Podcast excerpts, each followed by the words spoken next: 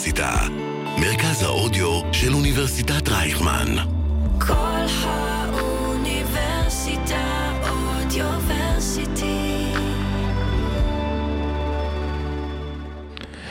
אנחנו החמוצים, והיום בחמוצים חוזרים אל הבסיס, אל המקורות, אנחנו חוזרים לדבר על המערכת הפוליטית הישראלית. ננסה להבין אה, אה, מהי תגובת הימין שאנחנו רואים עכשיו, מהי תגובת תומכי נתניהו, מדוע הם בחרו בגישה הזאת. נשאל איך נושא החטופים פתאום נהיה נושא של ימין ושמאל, האם יש כזה דבר, ימין ושמאל אחרי השביעי לאוקטובר. ננסה להבין מדוע עכשיו דחוף לחבר הכנסת אלמוג כהן לדבר על עונש מוות, ובסוף בסוף נשאל על החזית הצפונית שממשיכה לבעבע. החמוצים מתחילים ממש עכשיו. החמוצים, המערכת הפוליטית על ספת הפסיכולוג, עם הפרופסור בועז בן דוד והפרופסור גלעד הירשברגר. שלום גלעד, מה שלומך? שלום בועז ושלום למאזינות ולמאזינים. אז אנחנו חזרנו להיות אה, live, תודה לכם אה, מאזינות ומאזיני הרדיו 106.2 FM, אנחנו בשעה שלוש, השעה החדשה שלנו, גם אולפן חדש, אנחנו מתמודדים פה עם תנאי שטח, אל, אם תשמעו פתאום, לא, סתם לא תשמעו יריות ברקע, אבל אנחנו מתמודדים. אי אפשר לדעת. כן, האמת היא, אני חייב להגיד לך, אנחנו... יודע אכן מכירים שאנחנו עושים תמיכה נפשית ראשונית בשטח עם אני ועוד uh, כמאה מתנדבים והרבה אנשים אומרים לנו כל מיני תופעות מוזרות כל מיני רעיונות משהו באמת לא הגיוניים אני אומר להם תשמעו זה לא יכול להיות זה לא יקרה זה בסדר. ואז אומרים לי ואתה חשבת שיקרה מה שקרה בשביל אוקטובר. אין, אין דבר שלא יכול לקרות במדינה. אז אולי הפחד שלי הוא הגיוני. כל מה שנשאר זה לספוג את הפיים, אנחנו באמת בבעיה היום, אבל אני מאמין שלא יהיו פה יריות, לא תהיינה פה יריות, ואנחנו רוצים להתחיל לדבר על המערכת הפוליטית הישראלית. לגמרי. מאיזה שאלה מכל השאלות שלי אתה רוצה להתחיל, גלעד? אני, אני רוצה לתת איזושהי תמונת מסגרת של uh, מה בעצם קורה במערכת הפוליטית, למה אנחנו רואים את הדברים שקורים כן, כרגע. כן. אני חושב שאחד הדברים החשובים ביותר שקורים ברגע זה, אוקיי. וזה יישמע אולי קצת מוזר לך ולמאזינים, זה uh, סקרי דעת הקהל. למה סקרי, סקרי דעת כן, הקהל? כן, אני, כן. אני רוצה לחזור למה שאמר כאן פרופסור גלעד הירשברגר. אתה אמרת שמה שחשוב בימים אלה של לוחמה... לא אמרתי שזה מה שחשוב, אמרתי שכדי להבין, כדי להבין את מה שקורה במערכת הפוליטית כן, הישראלית, כן, כן. צריך להתחיל מהנקודה הזאת. למה? כן. כי אם עד לשבעה באוקטובר, mm-hmm. התגובה של הממשלה לכל ביקורת, להפגנות, לסקרי דעת קהל לצורך העניין, כן. היו, היה סקר אחד, שזה הבחירות, אנחנו ממשלה לגיטימית, יש לנו נכון. 64 מנדטים, נכון. תעזבו אותנו בשקט, אנחנו נממש את המדיניות שלנו. Mm-hmm. אחרי השבעה באוקטובר אה, נפל דבר בישראל. זאת אומרת שאין לאף אחד ספק היום. שהממשלה הנוכחית היא ממשלה לא לגיטימית בעיני רוב הציבור. זו לא סתם ממשלה שהיא לא רצויה ולא לא הממשלה שהיו בוחרים בה, אה, אלא ממשלה שנתפסת בעיני חלקים רחבים מאוד מהציבור, כולל הציבור שבחר בה, כממשלה שהיא לא לגיטימית, כממשלה שהיא מאוד מאוד לא רצויה. גם חברי הממשלה עצמם mm-hmm. יודעים את זה. ומכאן, ומכאן, עכשיו אני רק אעצור אותך. צריך להבין את, ה, את, ה, את uh, השתלשלות ההתנהגויות הנובעות מתוך התובנה הזאת. אז רק אני אעצור אותך, אני זוכר שאתה שוב ושוב בתוכנית מקפיד לומר שאותך לא מעניין סקר אחד, אלא מגמה על כמה נכון, סקרים. נכון. אז אנחנו רואים אבל במגמה על כמה סקרים את אותו דבר, זאת אומרת זה לא שאנחנו רואים פה... אנחנו רואים, יש תמונה אחת מאוד ברורה, זה לא משנה mm-hmm. אם אה, בנט מצטרף לא או הוא לא מצטרף, יש לא תמונה אחת מאוד ברורה. הקואליציה הנוכחית מאבדת בסביבות 20 מנדטים בצורה מאוד קונסיסטנטית, קונסיסטנטית בסקרים האחרונים. שליש מכוחה, בוא נקרא כן, לזה כן, ככה. וזה, וזה דבר מאוד מאוד דרמטי, כן, אנחנו צריכים mm-hmm. לזכור שמ-2019 היינו במערכות בחירות שהגיעו למבוי סתום, הכל היה על חוט השערה, היה מאוד קשה להכריע במערכת הפוליטית. בסופו של דבר, לפני שנה, כן אה, אה, נפלה הכרעה, אבל גם 64 כן. מנדטים. היום אנחנו במצב שבו הקואליציה הזאת מאבדת שליש מכוחה, כמו שאמרת, זה דבר מאוד מאוד דרמטי. זה גם דרמטי באופן כללי, כמי שעוקב אחרי מערכות בחירות בישראל כן, והסקרים כן. בישראל, אנחנו מכירים עוד טלטלות לא ש... כאלה? זה לא שזה אף פעם לא קרה, אבל אוקיי. זה, זאת אומרת, נפילה כזאת אה, היא נדירה, אבל אה, אה, היו דברים מעולם, אבל ה, ה, המשמעות כרגע... היא שהממשלה הזו נמצאת בבעיה ומנסים עכשיו לצאת מהבעיה הזאת. מנסים למצוא, אז איך הם עושים את זה? יש כמה, אוקיי. כמה דברים שאנחנו רואים, אני, אתה יודע, אם לוקחים את כל האמירות השונות וכל הדברים השונים ומסדרים אותם, אז אפשר לראות כמה דברים. אפשר לראות מערכה אחת של מי אשם. זאת אומרת, מי אשם כרגע במצב שקרה ב-7 באוקטובר. אוקיי. הדבר השני זה מי בעצם הנפגעים ומי אלה שלא נפגעו.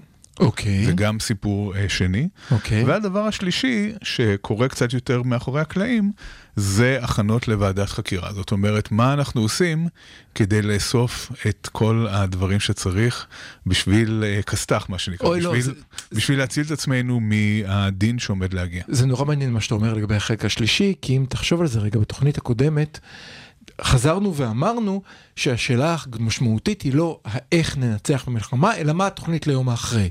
ודיברנו על כך שאמריקאים צועקים לנו מה עם תוכנית יום שאחרי, כי בסופו של דבר חייבים לחשוב על יום שאחרי ולתכנן אותו היטב, כי אחרת לא ברור מה המלחמה.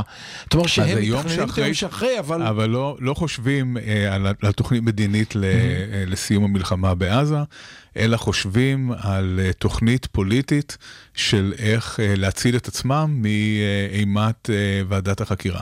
אוקיי. אבל תכף נגיע לזה, בואו בוא נבין את נתחיל ה... באחד. כן, נתחיל באחד, נתחיל במי אחד אשם. היה מי אשם. אז קודם כל אנחנו כמובן שאוסלו אשמים, שמחנו על הפלסטינים, חתמנו על הסכם עם הפלסטינים, וכמובן שהתפיסה הימנית הקלאסית היא שמה שקרה ב-7 באוקטובר מייצג את כל הערבים, ולכן זה לא משנה אם זה החמאס, זה שחתמנו על הסכם עם אה, פת"ח, אש"ף, זה לא חשוב, אה, אה, כן, הם, הם כולם אותו הדבר. אז לא ניכנס כרגע לוויכוח על העניין הזה, כשזה ויכוח מורכב, האמת, ויכוח מורכב בגלל ש... כן, אני לא הייתי רוצה שנתחמק ממנו דווקא. גם אה, אש"ף היא רחוקה מאוד מלהיות אה, טלית שכחולה תכלת, מאוד היו- אפילו. היו פיגועי טרור משוגעים, להזכיר לך. גם פיגועי טרור משוגעים, וגם אפילו עכשיו, אה, ה- ה- אה, אש"ף הוציא, הרשות הפלסטינית הוציאה הודעה רשמית שבו היא מכחישה כן. את השבעה באוקטובר. ונרצה אחר כך למחוק את זה בלי לחזור בה, אלא רק מחקה לא, את זה, כן. כן, זה, זה לא שיש לנו אה, אה, פרטנר אידיאלי, כן. שרק מחכה שנגמור עם חמאס והוא ייכנס ו, בשמחה, ו- כן. והכל יהיה טוב, כן. אבל אה, לא, לא, אבל, אבל כשעושים- אוסלו זה משהו אחר. אוסלו בעצם, סליחה, אני חושב שהוויכוח על אוסלו אומר, ברגע שאתם אמרתם לפלסטינים תקבלו אצבע, הפלסטינים אמרו אם כך, אנחנו נילחם ונשמיד אתכם ונקבל את הכל, הייתם צריכים אה, יש- כבר אז להילחם בהם יש עד חורמה. תוכנית סדורה פלסטינית שנקראת תורת השלבים. זאת אומרת, מה שהימין אמר על אוסלו זה שזה חלק מיישום תורת השלבים. קודם ניקח את ההגדה והרצועה ומשם אנחנו נתקדם הלאה. אגב, אה, אני לא אה, מבטל בכלל את האפשרות שכך הם חושבים. אבל אני חושב על הצד הישראלי. זאת אומרת, לנו בסופו של דבר, האופציה הטובה ביותר מכל האופציות הגרועות הקיימות, וזאת אופציה גרועה, זאת לא, צריך להגיד את האמת, זו לא אופציה טובה. אבל מבין כל האופציות הגרועות הקיימות, מדינה פלסטינית אה, מפורזת, אה, אה, עוינת במידה כזו או אחרת כנראה, היא אופציה יותר טובה מאשר אה, המשך השליטה. אה, בפלסטינים, היא בטח יותר טובה מסיפוח והתנחלות בר, בלב אה, כן. אה, שכונות פלסטיניות, ב- בלב מיליוני פלסטינים. אז זאת לא אופציה טובה, אבל זו כנראה אופציה טובה יותר. אבל בסדר, זה, אז האשמה היא שאוסלו וכמובן ההתנתקות. אז אמרנו איתך, צעד ראשון זה אוסלו, צעד שני זה ההתנתקות אשמה, כאשר ההתנתקות, עוד נתניהו עשה את זה עוד לפני השביעי באוקטובר, אם אתה זוכר, הוא צובע אותה כמשהו שהוא יושב ראש האופוזיציה שהתנגד לה. ו- אלא מה? ומרץ שוב. בראשות אה, אה, ביילין, זהבה גלאון, ותן לי עוד מישהו שנרים מהקבר, דחף לכך, אלא שהוא הצביע ארבע פעמים בעד, וזה היה הליכוד. הוא היה, הוא היה שר. בממשלה, כן, ש, כן, כן. שכן ביצע את ההתנתקות, נכון. כן. ו, ואגב, אה, ומירי רגב הייתה דוברת, לא, לא, לא, כן. ההתנתקות הייתה גם בראייה לאחור אחרי השבעה באוקטובר, שוב. יש- לישראל אין אופציות טובות, צריך אה, להגיד מסכים. את זה. האופציה של התנתקות היא לא הייתה האופציה הטובה, אבל היא יותר טובה מאופציה של הישארות בעזה. רק דמיינו מה היה קורה אם היו לנו התנחלויות בתוך עזה, הטבח היה גדול שבעתיים והיכולת להגן עליהם היה קטן בצורה משמעותית. אפס יכולת להגן עליהם כן, אז, אז זה. זה, לא ש, אה, כן. זה לא שגוש קטיף פה היה מציל משהו. תחשוב, ש... כמובן- תחשוב שהם היו כיסים קטנים מוקפים, פתחת את הגדר מכל הכיוונים נכנסים, נגמר עניין. כן. כמובן שהצבא אשם, כן? אה, הצבא אגב לוקח על עצמו את האשמה, זאת אומרת, אה, אנחנו שומעים כל הזמן כן. אה, מראשי הצבא ודרך כן. אפילו מפקדים זוטרים כן. יותר, יש הכאה על חטא ויש... אה, אה, כן. אז, אה, אבל כמובן שיש רצון פוליטי אה, לטפול את האשם על הצבא, אה, כך היה גם במלחמת יום כיפור כמובן, וכך קורה עכשיו, המערכת הפוליטית מהמם. תמיד אה, עושה את זה, כבר דיברנו על זה בעבר. אחד, ה... וזה כמובן לא ראש הממשלה, וגם על זה דיברנו אה, אבל יש כאן, יש. יש כאן משהו מעניין, בעצם אתה אומר, כולם אשמים חוץ ממי שנמצא בשלטון. כן, אבל מי שבמיוחד אה, מעניין שהוא אשם זה בג"ץ כרגיל, כן. אוקיי? אז- איך, איך ו- בג"ץ קשור? זה פספסתי. אוקיי, אז כאן אה, בג"ץ האמת הגיב בשבוע שעבר, הוא החליט שהוא לא יכול עוד אה, לעמוד מהצד ו... אוקיי, בג"ץ ו- המקוצץ. שאין בו אפילו עכשיו את מלוא השופטים שאמורים להיות ואין לו נשיא נבחר, אוקיי. הוא לא מקוצץ כי יש נשיא זמני, אבל הוא... אה, אין לו- את מכסת השופטים נכון, שלו. נכון. ש... אז עירית לינור למשל טענה שבג"ץ הוא זה שקבע לאיזה מרחק פלסטינים יכולים להתקרב לגדר אה, עם ישראל, לגבול עם ישראל, אוקיי. ולא היו דברים מעולם. זה, זה פשוט אה, מצוץ מהאצבע לחלוטין, אבל... זה מבוסס על איזשהו משהו? כלום, כלום, זה לא מבוסס על כלום. אוקיי. אה, והשופרות השונים, ינון מגל וכולי, טענו שבג"ץ אה, מתערב, או התערב בסידורי הביטחון לפני ה-7 באוקטובר, אה, והוראות פתיחה באש, ובגלל הקשירה של הידיים של חיילינו כביכול, האירוע הזה קרה, ובג"ץ הרגיש חובה לכתוב הבהרה. ואמר, אנחנו ממש לא התערבנו בזה, אנחנו ממש לא קובעים את כללי הפתיחה באש, אנחנו ממש לא קובעים את סדרי הביטחון, אנחנו גם לא רוצים להתערב בדברים האלה, זה לא המנדט שלנו. אבל הרצון אה, לטפול את האשם על בג"ץ, זאת אומרת, מה, מה הרעיון? ה- כל התיאוריה אנחנו של הימין, ממשלת ימין על מלא על מלא, אז למה אתם לא מיישמים מיניות ימין על מלא על מלא? כי מי שבאמת כי מי מנהל שמפריע את לנו, העסק, ה deep state, זה לא רק שזה בג"ץ. מפריע. מי שבאמת מנהל את המדינה. הבנתי. למרות שאנחנו הממשלה הנבחרת, אוקיי.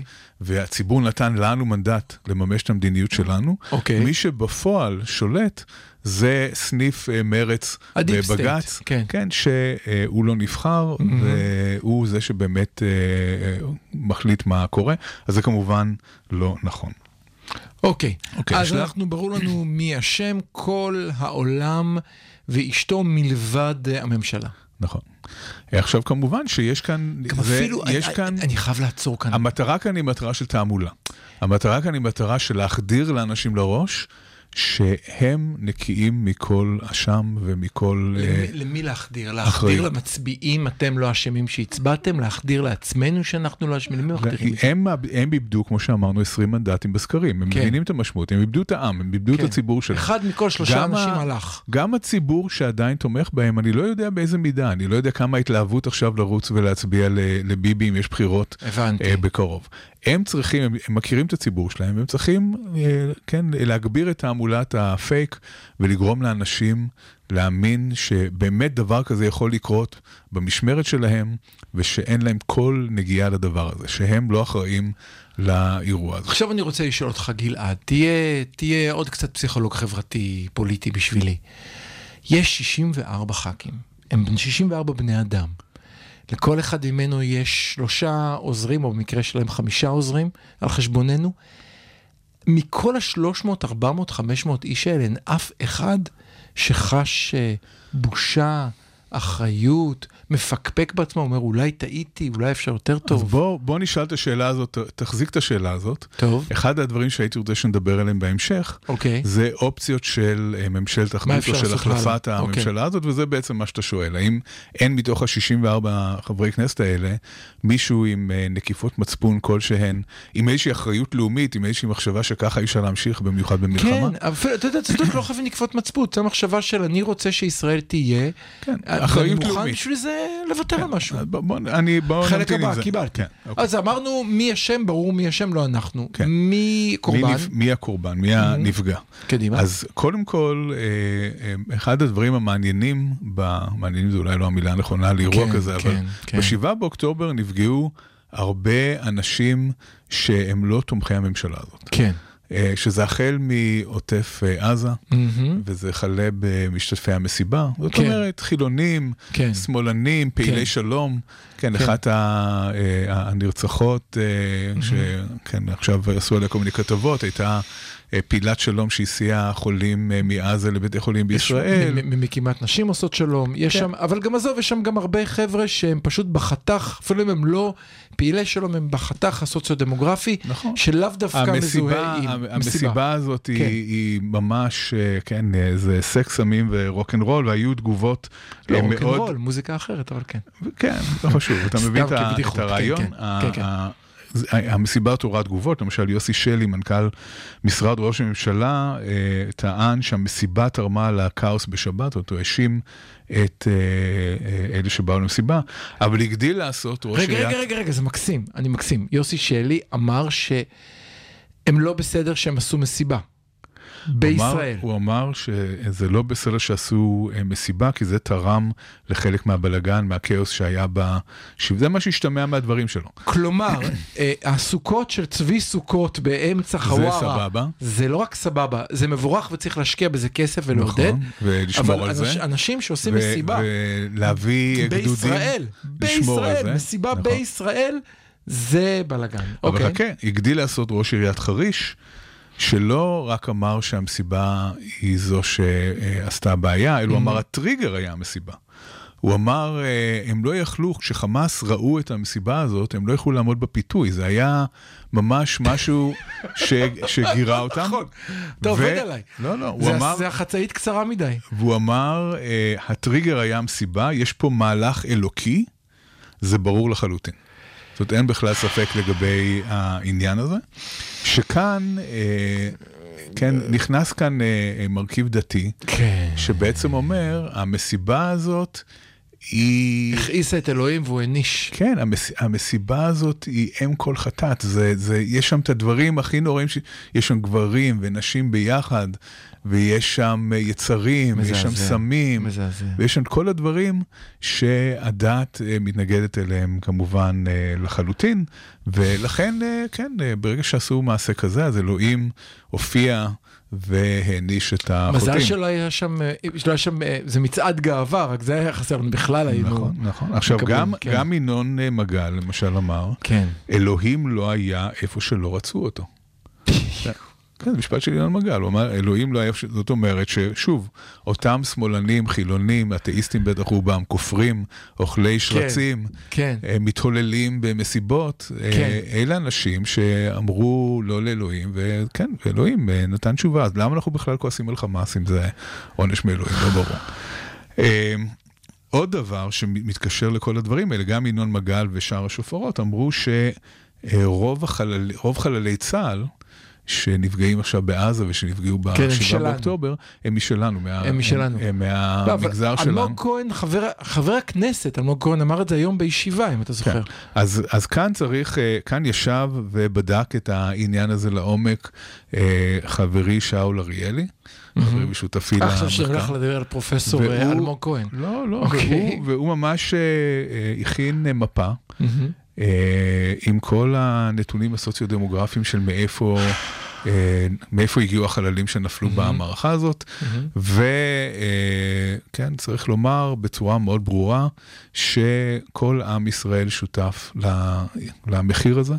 אה, זה ממש מגיע מכל המגזרים, מכל המקומות, ובצורה שהיא די יחסית לגודל של האוכלוסייה. זאת אומרת, אם ניקח את אה, המתיישבים ביהודה ושומרון, שהם בערך, אה, המתנחלים, שהם חמישה אחוז מהאוכלוסייה, אז אנחנו רואים ש-4.4 אחוז מהחללים מגיעים...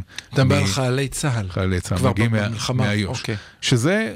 זה מראה שהם באמת אה, משתתפים בגודל. שלהם באוכלוסייה, אבל, אבל זה לא רק הם, זה לא רק המגזר הזה, זה לא רק המגזר הדתי, זה לא רק הכיפות, זה ממש אה, מכל אה, שכבות הציבור הישראלי, והניסיון לא, ל- אבל- אבל- לצייר את זה כאילו שיש מגזר אחד ש... שהוא זה שנלחם ומגן על המדינה, הוא ניסיון מכוער. אנחנו אנחנו כמובן יודעים שאחים לנשק, הם הראשונים שבעצם התגייסו בשביל למלא את כל החוסרים של צה"ל, בשביל לתת לחיילים מה שהם צריכים בתחילת הלחימה. אני, אני רוצה רגע לעצור. אנחנו קודם כל אנחנו תכף עוצרים לשיר כי אנחנו בלייב, אבל אחד, אני מתמלא בטני תחושת בה שאנחנו סופרים גופות. לגמרי. ומשווים למי יש יותר גופות, נכון. ואז הוא תרם יותר כי יש לו יותר גופות. זה אחד, זה נורא, בעיניי. אבל כאן אני רוצה להגיד שאני חושב שרוב עם ישראל לא עושה את זה, אני חושב שרוב עם ישראל מרגיש תחושה של אחדות מאוד גדולה, אנחנו שומעים את זה כל הזמן, על אנשים שנלחמים ביחד, כן. שמגיעים ממגזרים שונים כן. ומרגישים כן. שהם מול החמאס, אנחנו עם אחד ולא מרגישים את ההבדלים כן. האלה, אבל יש את הפוליטיקאים הקטנים האלה, במיוחד מהצד הימני ימני קיצוני, שלהם זה כן משנה. מבחינתם הקיבוצניקים על העוטף הם אה, לא אותו הדבר כמו המגזר שלהם. דמם סמוק פחות, זה כן, נאמר וזה, מפורשות. וזה מאוד חורה, זה, זה באמת אה, דבר נוראי, ואני מקווה שהם ישלמו את המחיר הפוליטי על זה. אז אנחנו מסכמים את החלק הראשון שלנו, מי אשם כולם לא אנחנו, מי הם הקורבנות. אז במהלך אה, שבת השחורה הקורבנות היו השמאלנים שלא הצביעו לנו ומגיע להם, או כמו שאמר אלמוג כהן היום, כשאנחנו ספרנו מתים, אתם עשיתם פסטיבל לשלום אז מגיע לכם, פחות או יותר, ומי הם הקורבנות היום? הם שלנו כי אנחנו באים להגן. אה, זה לא נכון, זה לא נכון. וזה לא ובאופן נכון. מפתיע גם זה לא נכון. אבל המסגור הזה הוא מזעזע, אנחנו עוצרים לשיר ואחריו נמשיך לחפור בפוליטיקה הישראלית, אל תלכו לשום מקום. כל האוניברסיטה אודיוורסיטי. כל האוניברסיטה. מרכז האודיו של אוניברסיטת רייכמן.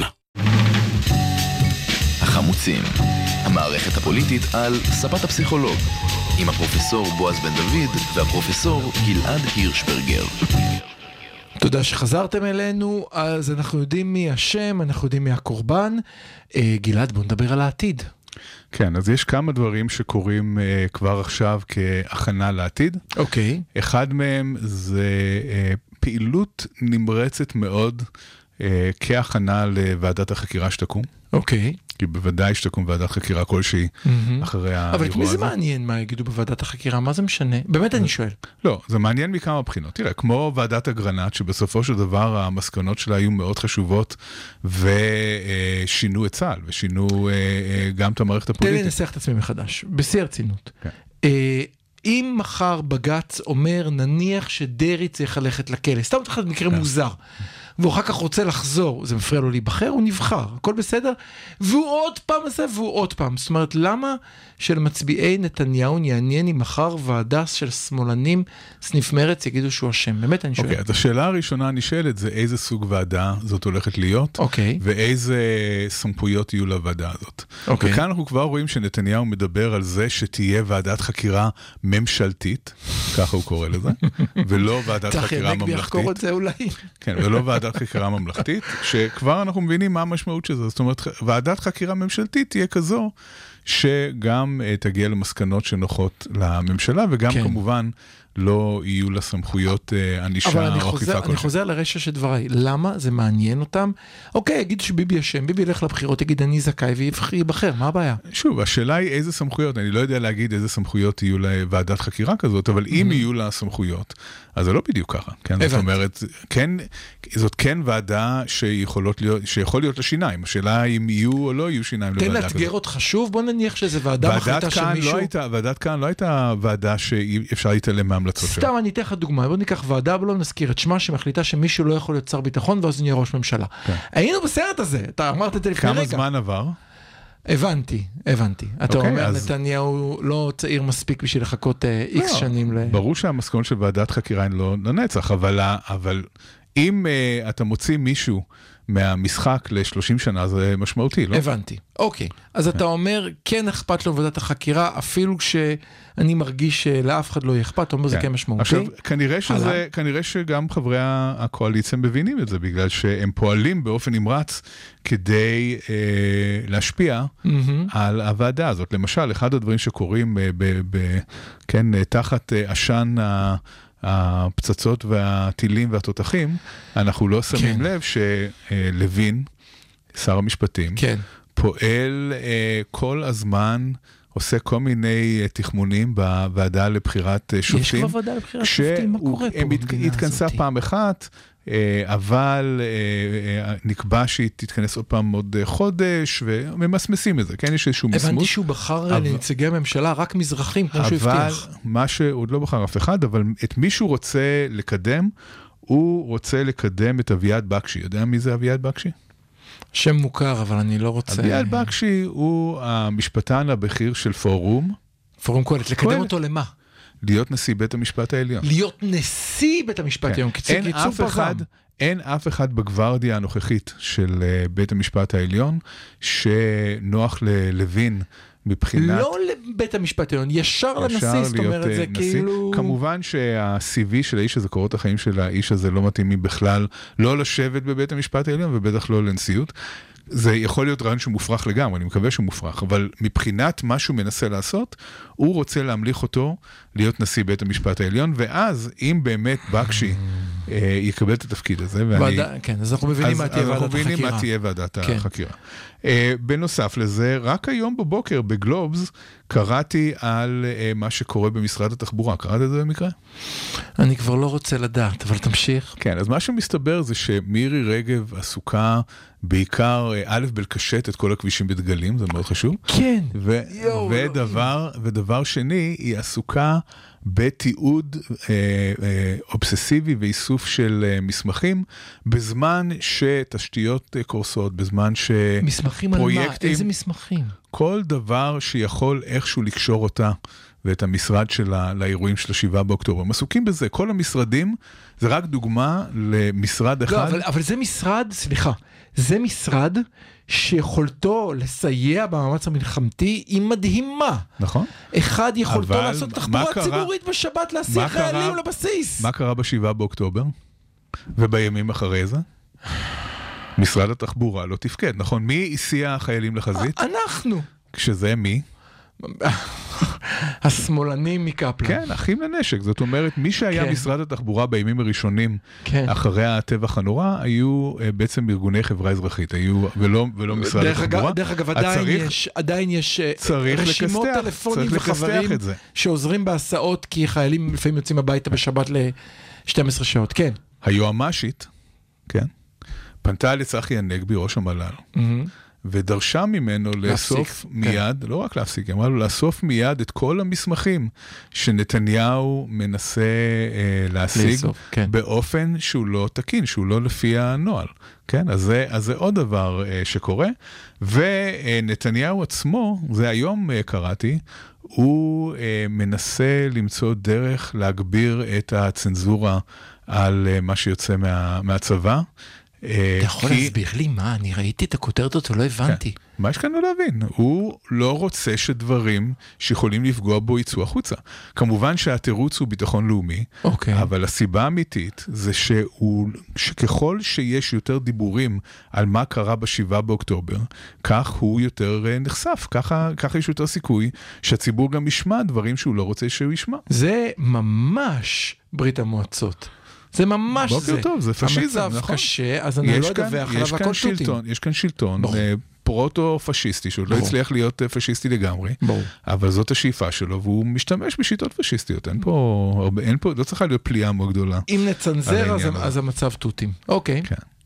אוקיי, אז זה לגבי הנושא של כסת"ח, כן, כולם כן. עוסקים בכסת"ח. עכשיו, אוקיי, הכסת"ח אה, בפני עצמו, עוד אה, אפשר להבין אותו, הבעיה היא שהפעילות של המשרדים האלה, היא בכירה, זאת אומרת, זה לא שהעסק מתפקד והם גם בנוסף לזה מכסתחים, זה מה שהם עושים כרגע, הם עוסקים בכסת"ח ולא בפעילות כן. שהמשרד שלהם אמור אה, לעסוק בו.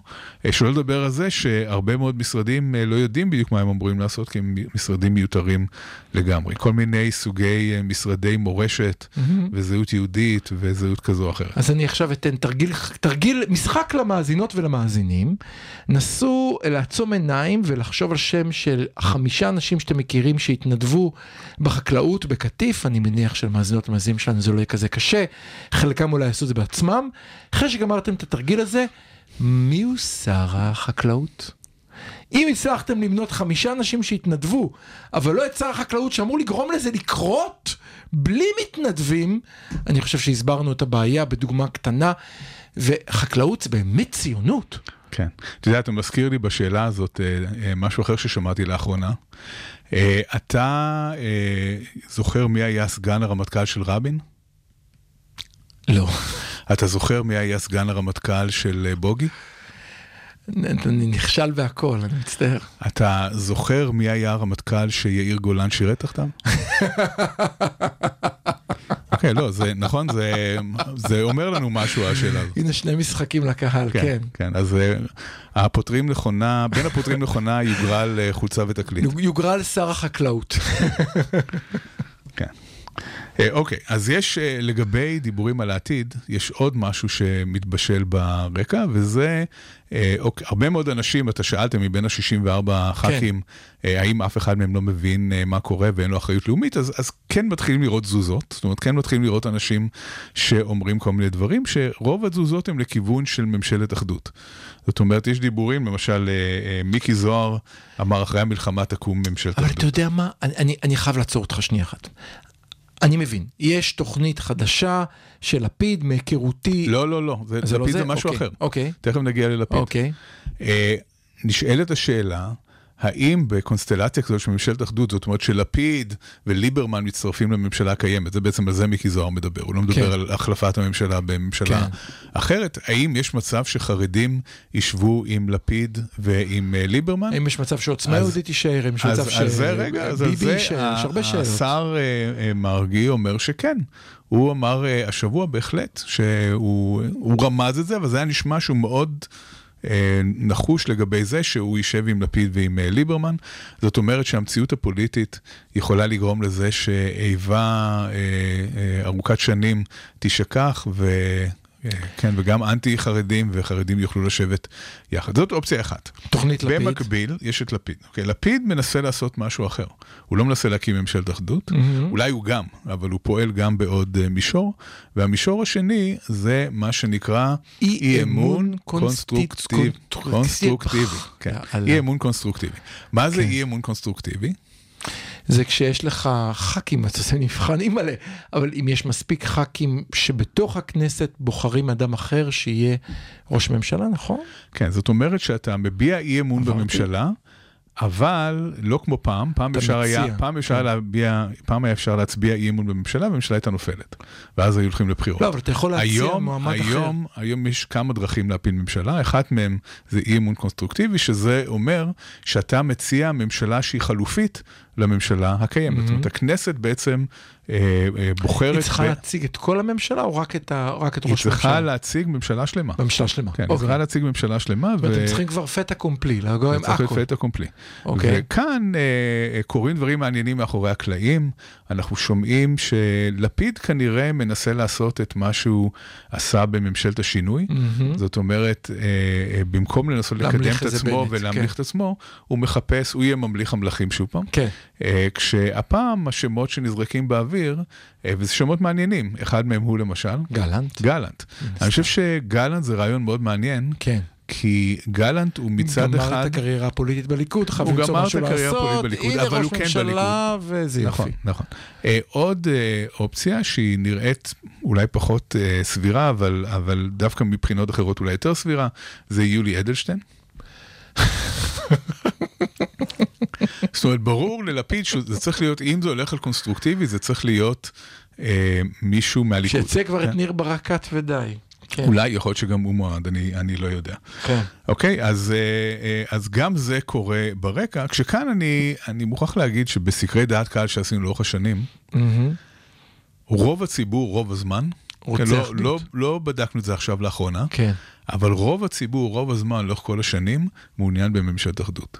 זאת אומרת, הציבור לא אוהב את הקרע הזה, הציבור אה, מאמין שכן אפשר להגיע להסכמות מהמם. בין הגושים העיקריים. רוב הציבור הוא, הוא מרכז ימין, כן, הוא לא שמאל קיצוני והוא לא ימין קיצוני.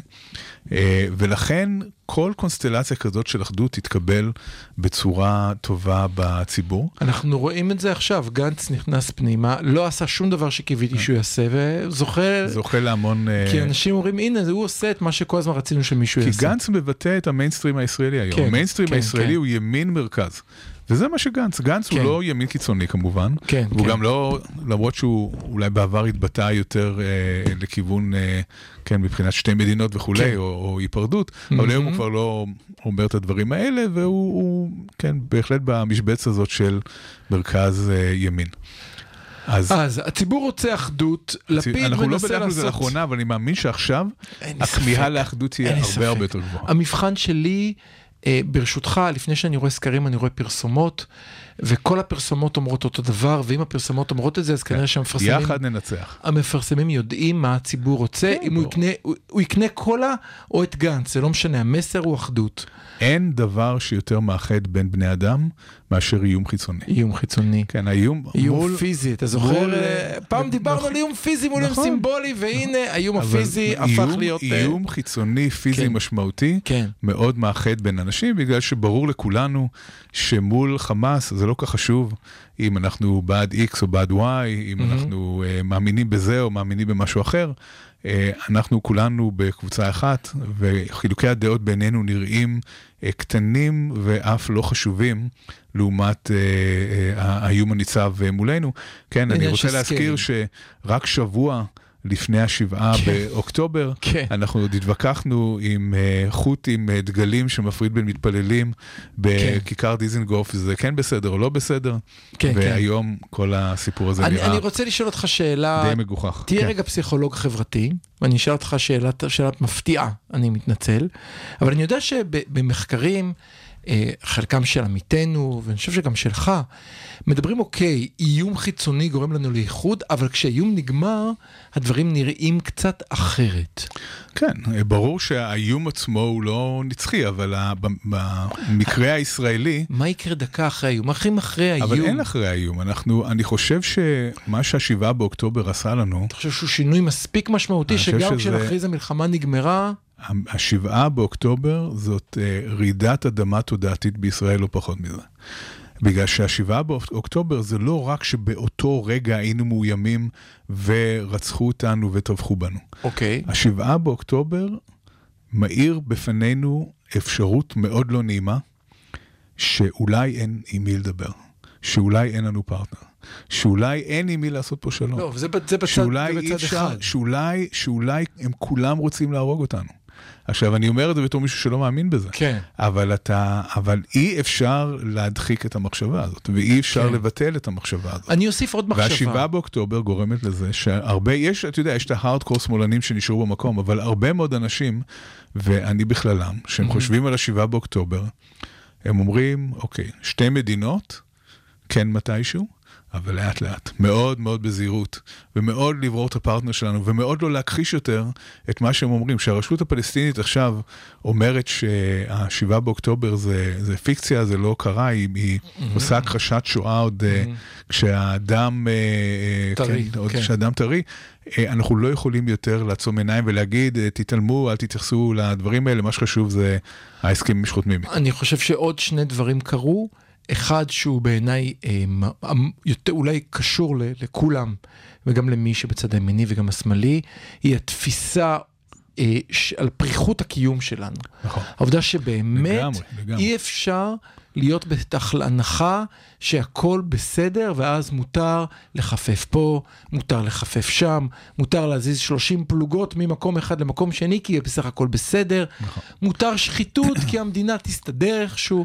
ההנחה הזאת שהכל יהיה בסדר ואנחנו באמת, אנחנו כבר ארצות הברית, כבר די, נגמר, 200 שנה אחרי נגמר הכל, לא קיימת יותר. נכון. הרבה מאוד אנשים, אני חושב שאמרנו את זה גם כאן, מתייחסים לשבעה באוקטובר בתור אה, איזשהו פרומו, בתור פריוויו של איך נראית חיסולה של מדינת ישראל. כן. והחרדה הקיומית הקולקטיבית שכולנו עלתה בצורה משמעותית. מהמם. העובדה שגם בעולם יש הפגנות ענק נגדנו. כן. ואנחנו כולנו, כן, גם אנחנו כן, באקדמיה, כן. בשוק מסוים מ- כן. מהקולגות שלנו שמפנים אלינו את הגב מהמם. ואומרים את הדברים הכי נוראים שאפשר בכלל אה, לתאר. זה גורם לחרדה הקיומית לעלות לגבהים מאוד אה, משמעותיים, וגורם לכולנו, אז קודם כל יש כאן שינוי תודעתי, אבל חייב להיות כאן משהו שהוא יותר מתודעתי. אנחנו צריכים להבין שהדרך שלנו להתנהל במדינה הזאת, מבחינת צבא, מבחינת העצמאות שלנו, כן? שזה גם עצמאות אה, אה, צבאית וגם עצמאות אפילו ב, ב, ב, בדברים הבסיסיים, בצרכים הבסיסיים של האוכלוסייה. אבל גם אנחנו מבחינת- חייבים שתהיה לנו עצמאות גם בדברים האלה. מבחינת המחויבות שלנו כאזרחים למדינה, המחויבות שלנו בעיניי להיות מעורבים ולא להגיד זה הפוליטיקאים זה בסדר. אי אפשר יותר להניח שזה בסדר, אם לא נתגייס, שוב ניפול עם... אה, יש גם אה, דבר שנקרא reactance, שזה תיאוריה פסיכולוגית. יש לי דקה לדבר על זה? אנחנו עוצרים לשיר, אני כן. מתנצל, ואחר כך גם נדבר על ריאקטנס, גם אולי נגיד מילה אחת על אקדמאים בחו"ל, ואז ממש בעשר דקות האחרונות נשאל מה עושים עם גבול הצפון. החמוצים כבר חוזרים.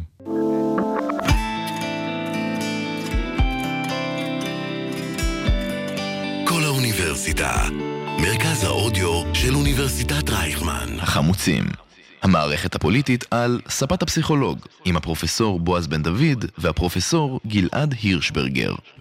אז תודה שחזרתם אלינו. ממש לפני השיר, גלעד רצה לדבר על ריאקטנס. כן, כשאתה אמרת במשפט האחרון, אה, לפני שיצאנו להפסקה, אמרת משהו על זה שיש אה, מין תחושה כזאת של גם של מחויבות ושל אין ברירה. נדמה לי שאמרת אין ברירה. אני לא נכון. אמרתי אין ברירה, אבל לא נורא. נניח אוקיי. ואמרתי אה, בשבילך. לא אכפת לי, כן. יאללה. כמו. שאנחנו אומרים, לא ניתן לתיאוריה טובה להיהרס בגלל נתונים. נכון. בדיוק. אז uh, זה הזכיר את reactance theory, זו תיאוריה משנות ה-70. שבעצם אומרת שככל שהאופציות שלך מצטמצמות, ככה כל אלטרנטיבה נראית אטרקטיבית יותר. זאת אומרת, אה, אה, רק כדי לתת אה, דוגמה מחקרית, אחד המחקרים המפורסמים שעשו בתיאוריה הזאת, זה הלכו לברים בדרום ארצות הברית, וביקשו מהגברים בבר לדרג את האטרקטיביות של הנשים, ויראו שהאטרקטיביות של הנשים עולה ככל שמתקרבים יותר לשעת הסגירה. זאת אומרת, ככל שיש לך פחות זמן לבחור ופחות אופציות, כי חלק הלכו הביתה, אז האלטרנטיבות נהיות אטרקטיביות יותר, וזה גם כשלוקחים בחשבון את העניין של אלכוהול. מחקר שבחיים לא היה מאושר היום אתית. אין סיכוי, כן. אוקיי. גם הכותר של המחקר לא הייתה מאושרת. אה, אתית. לא יודע על מה אתה מדבר, אוקיי בוא נמשיך. אה, עכשיו, איך זה קשור אה, אלינו? השבעה באוקטובר וכל מה שהתחולל אחרי השבעה באוקטובר, שזה הפגנות ענק בעולם, ובאמת שנאה יוקדת שלא ראינו כדוגמתה כן, כן. נגד ישראל, גורמת לכו- לכולנו להבין כמה דברים מאוד בסיסיים. יהודים שמפחדים לצאת הביתה, אה, אה, אני... סטודנטים יהודים בקמפוס שמפחדים ללכת ללימודים. ש, שעוצרים כן, אותם בדרך, שזה, ואני אני חייב להגיד לך שיחת טלפון עם הרבה שלי מהפוסט-דוק בטורונטו, שהסבירה לי שבפעם הראשונה היא מסתובבת עם פניק בטן. היא מסתובבת עם פניק בטן והיא מדברת עם המשטרה לפני התפילה ואחרי, ויש לה כל הזמן עליה, כי הם מפחדים. כן, אתה רוצה שאני אספר משהו על, על תפילה, אוקיי. אבל uh, מה שבעצם uh, reactance theory אומר, הוא אומר בדיוק את העניין הזה, שבגלל שאנחנו מרגישים שאין לנו בעצם אופציה אחרת. אם, אם חלמנו על המילקי בברלין, או חשבנו על האי היווני, או על, ה... כן, או על, כן. על כל מיני... חזרת, כן, על כן. כל מיני אופציות, כן, אנחנו מבינים היום שאין אופציה אחרת. גם ליהודים בעולם בעצם אין אופציה אחרת, ואולי הלוואי שזה יעורר אה, גל אה, עלייה לארץ, אבל אה, בסופו של דבר, כשאתה מבין שאין לך אופציות, ושזה, מה שיש לך כאן זה מה שיש, אז החשיבות של המקום הזה הולכת להיות, אה, היא יותר ויותר חשובה. ויש משהו חיובי בתהליך הזה, זאת אומרת, בסופו של דבר, אם אנחנו... מאחר ומילא לא התכוונו לעבור למילקי, אז לפחות שנוכל אבל, ליהנות אבל מהמילקי אפילו הישראלי. לפנטזי אפשר יותר, נכון? כן. זאת אומרת, אי אפשר לא, לפנטז על זה יותר. אבל אני חייב להגיד לך על זה משהו וזה אומר משמעותי. שרמת ההשקעה פה היא, היא גבוהה יותר, ורמת המחויבות ורמת החיבור היא גבוהה יותר. אני אגיד שני דברים. אחד, אתה צודק, כאשר אני אהיה רגע קוגניטיבי, אם זאת המטרה היחידה, אז שווה להשקיע בה. רואים את זה אפילו, ב, לא משנה, אפילו במערכות קוגניטיביות, אם אחת תהיה משמעותית, שווה להשקיע בה כי זה שלך וזה יישאר אצלך. ואז אם, אם המדינה הזאת היא שלנו ואנחנו פה ולא הולכים לחזור לברלין, אז כדאי שכולנו נתגייס אליה. אבל נקודה נוספת, אני אהיה מאוד אישי כאן. אני, אם אלך מחר לחו"ל, כנראה אעבוד באוניברסיטה. הידיעה היום שאין כמעט מחלקה לפסיכולוגיה בעולם, שבמסדרון שבו אני אעבוד, לא יהיה בן אדם שחתם על עצומה שאומרת From the river to the sea, או מכחישה את מה שהיה, או שאומרת שאתה מבצע רצח עם, או משהו בסדר. או אומרת שאונס יהודים הוא בסדר, כי me too, as least, as long as you're not a Jew, כל הדבר הזה, נכון. זה הופך את זה לבלתי נסבל. אני יכול, לספר שסטודנט אה, שלי, שקיבל עכשיו משרה, אני לא אגיד איפה, אני לא רוצה לחשוף את השם ואת ה... אבל הוא קיבל משרה איפשהו אה, בעולם, והוא התקשר אליי אתמול ואמר, תשמע, אני ממש מפחד אה, לנסוע לשם, אני לא רוצה להיות בא- באווירה הזאת, אני לא רוצה ללכת למקום שבו יהיו לי סטודנטים ג'יהאדיסטים שלא יודע מה יגידו. אז uh, עכשיו אני מבין אותו. מצד אחד כנראה שלא יראו עליו RPG בשיעור, אבל, לא. אבל uh, האם הוא יקבל תגובות שיכולות להיות מאוד לא נעימות mm-hmm. מסטודנטים, uh, כן, שאנחנו רואים את האלימות המילולית לפחות שלהם? כן, בהחלט. כן. כן, אז, אז לכן, כן, אין, אין לי ארץ אחרת, כמו שאומר השיר. אנחנו כאן, ואנחנו צריכים להשקיע את, את כל מה שיש. תראה מה נהיה מאיתנו, היינו נכון. צינים לגמרי. לפני שלוש שנים, ומאז המחאה נהיינו תראה שנינו. תראה מה קרה, תראה, זה, זה מדהים. זה מביך, נושאי דגלי ישראל בכל פינה. לחלוטין. אוקיי, אז אחרי שגמרנו להביך את עצמנו ואת הקהל, בואו נלך לחלק האחרון שלנו, ואנחנו חייבים לגעת פה קצת. אפילו נדלג על העונש מוות של אלמוג, כי די, זה פשוט, הוא לא ראוי לדיון, ובאמת, מתחת לכל ביקורת. ובמקום זה בואו נדבר... זה בן גביר, לא אלמוג, אבל גם אלמוג, כן. זה גם נתניהו שלא עצר את זה. כן. אבל בואו ניגע... נדבר על לבנון. נדבר על לבנון. לפני השידור שאלת אותי על בסיס בירנית, בשירותי הצבאי יצא כן. להסתובב בכל מיני קורות בארץ, לא חשוב מדוע. בירנית יצא לי להיות יותר מפעם אחת, לראות אותו בחורבות היום, כן. זה פשוט לא נתפס. כן, למי שלא יודע על מה אנחנו מדברים, אה, אם תיכנסו לרשתות חברתיות, אה, טוויטר, פייסבוק וכולי, אה, מסתובב סרט על בירנית, שנפל בו כנראה טיל בורקן, שהוא טיל קצר טווח עם ראש נפץ של בין 500 קילו לטון.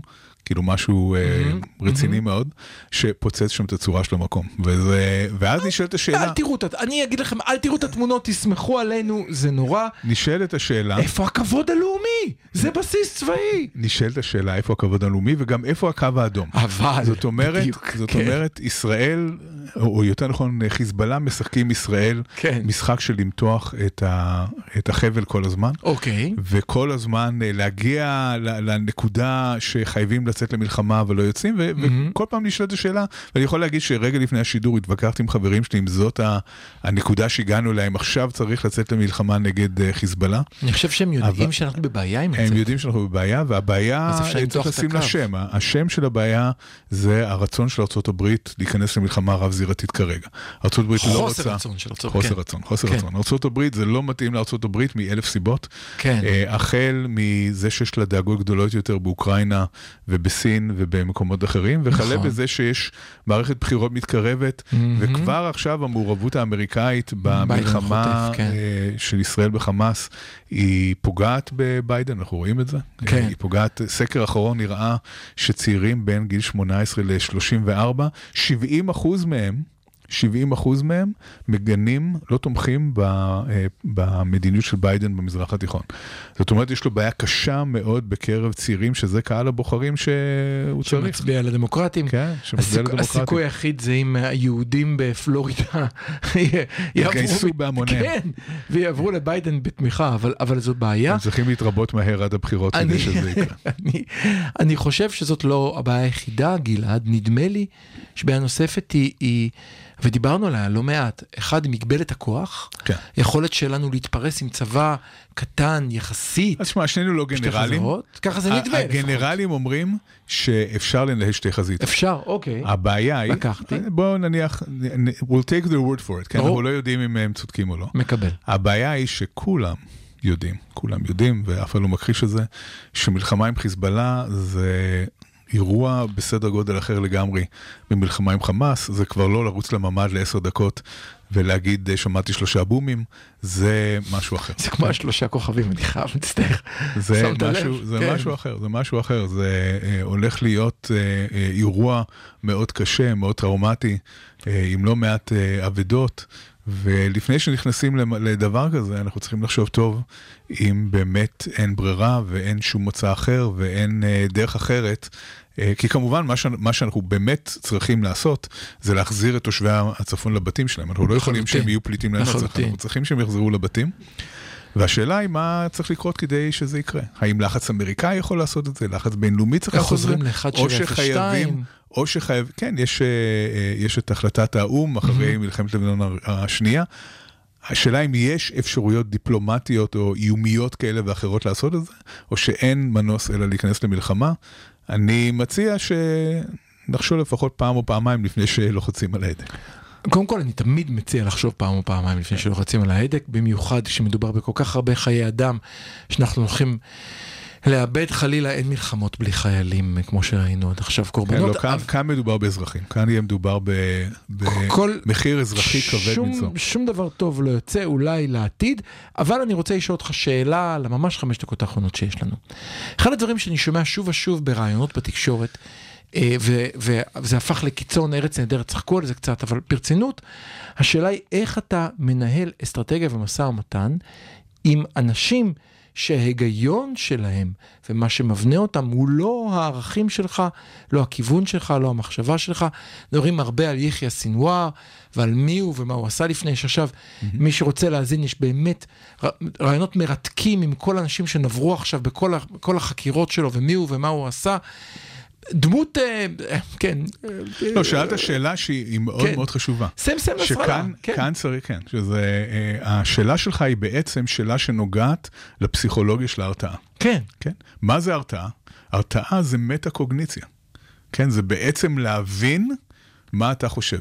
כן? אני, איך אני מרתיע אותך? אני מבין מה אתה חושב, ואני עושה משהו שיגרום לך לא לעשות משהו שאולי התכוונת לעשות. אני גם רוצה שאתה תדע מה אני חושב, בשביל שאתה תדע איך לנחש אותי, ולדעת בדיוק. שאני מתכוון ברצינות להרביץ לך, ואני צריך להבין מתי אתה מבין זה, יש פה מעולה. דורש רמה מאוד גבוהה. הסברת את זה מצוין, ובגלל הצורך להבין את האחר, להבין את כוונותיו, להבין את ערכיו, את מה משפיע על קבלת ההחלטות שלו, לכן הרתעה יש בה כשל יסודי הרבה פעמים, במיוחד שמדובר בהרתעה של אנשים שחושבים אחרת מאיתנו, כן?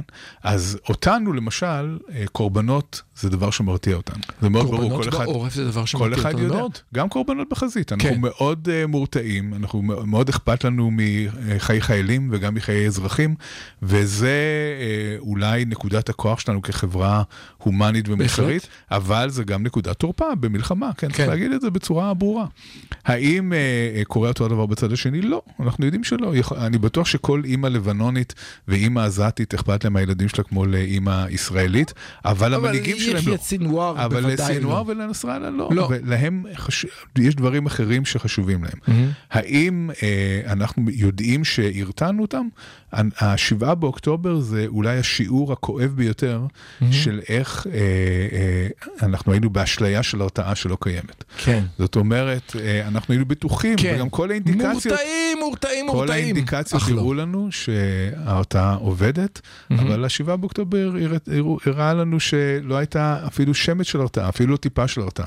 כן. זה הכל היה בדמיון שלנו, זה היה מגובה בנתונים, זה מה שמדהים בזה. זה היה מגובה באמירות, זה היה מגובה בנתונים כלכליים, זה היה מגובה בהמון המון דברים שכאילו תמכו בתיאוריה הזאת, אבל היא התנפצה לנו בפנים. אז אני שואל שוב, אני עכשיו אמור לנהל משא ומתן עם... מה משא ומתן? זה לא משא ומתן. אני עכשיו נמצא במלחמה מול החמאס.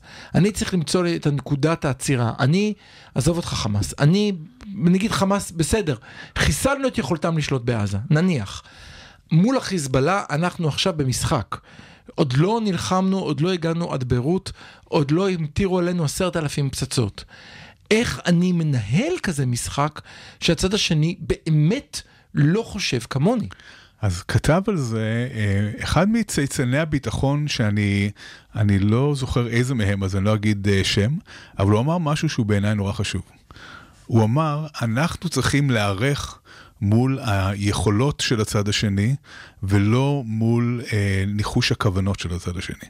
זאת אומרת, מה שקרה בעזה, זה חשבנו שאנחנו מבינים את הכוונות שלהם, ואנחנו נערכנו בהתאם לתיאוריה שלנו לגבי הכוונות שלהם. ולא לגבי היכולות הפיזיות שלהם. אם יש כוח של אה, 20 אלף מחבלי חמאס שיושבים בעזה, אז ההיערכות צריכה להיות לפי הכוח הזה, בלי שום קשר להערכות שלנו. יכול להיות שאנחנו מעריכים שהם כן יש להם כוונות, ואולי אין להם כוונות, אבל אנחנו צריכים להעמיד כוח שיודע להתמודד עם היכולת שלהם. אוקיי. ברגע שאתה עושה דבר כזה, אתה חוסך מעצמך את אה, עוגמת הנפש הנובעת מקריאה לא נכונה של הכוונות של הצד השני. זה כ-understatement understatement, of, כן. uh, of the century, כן. כן.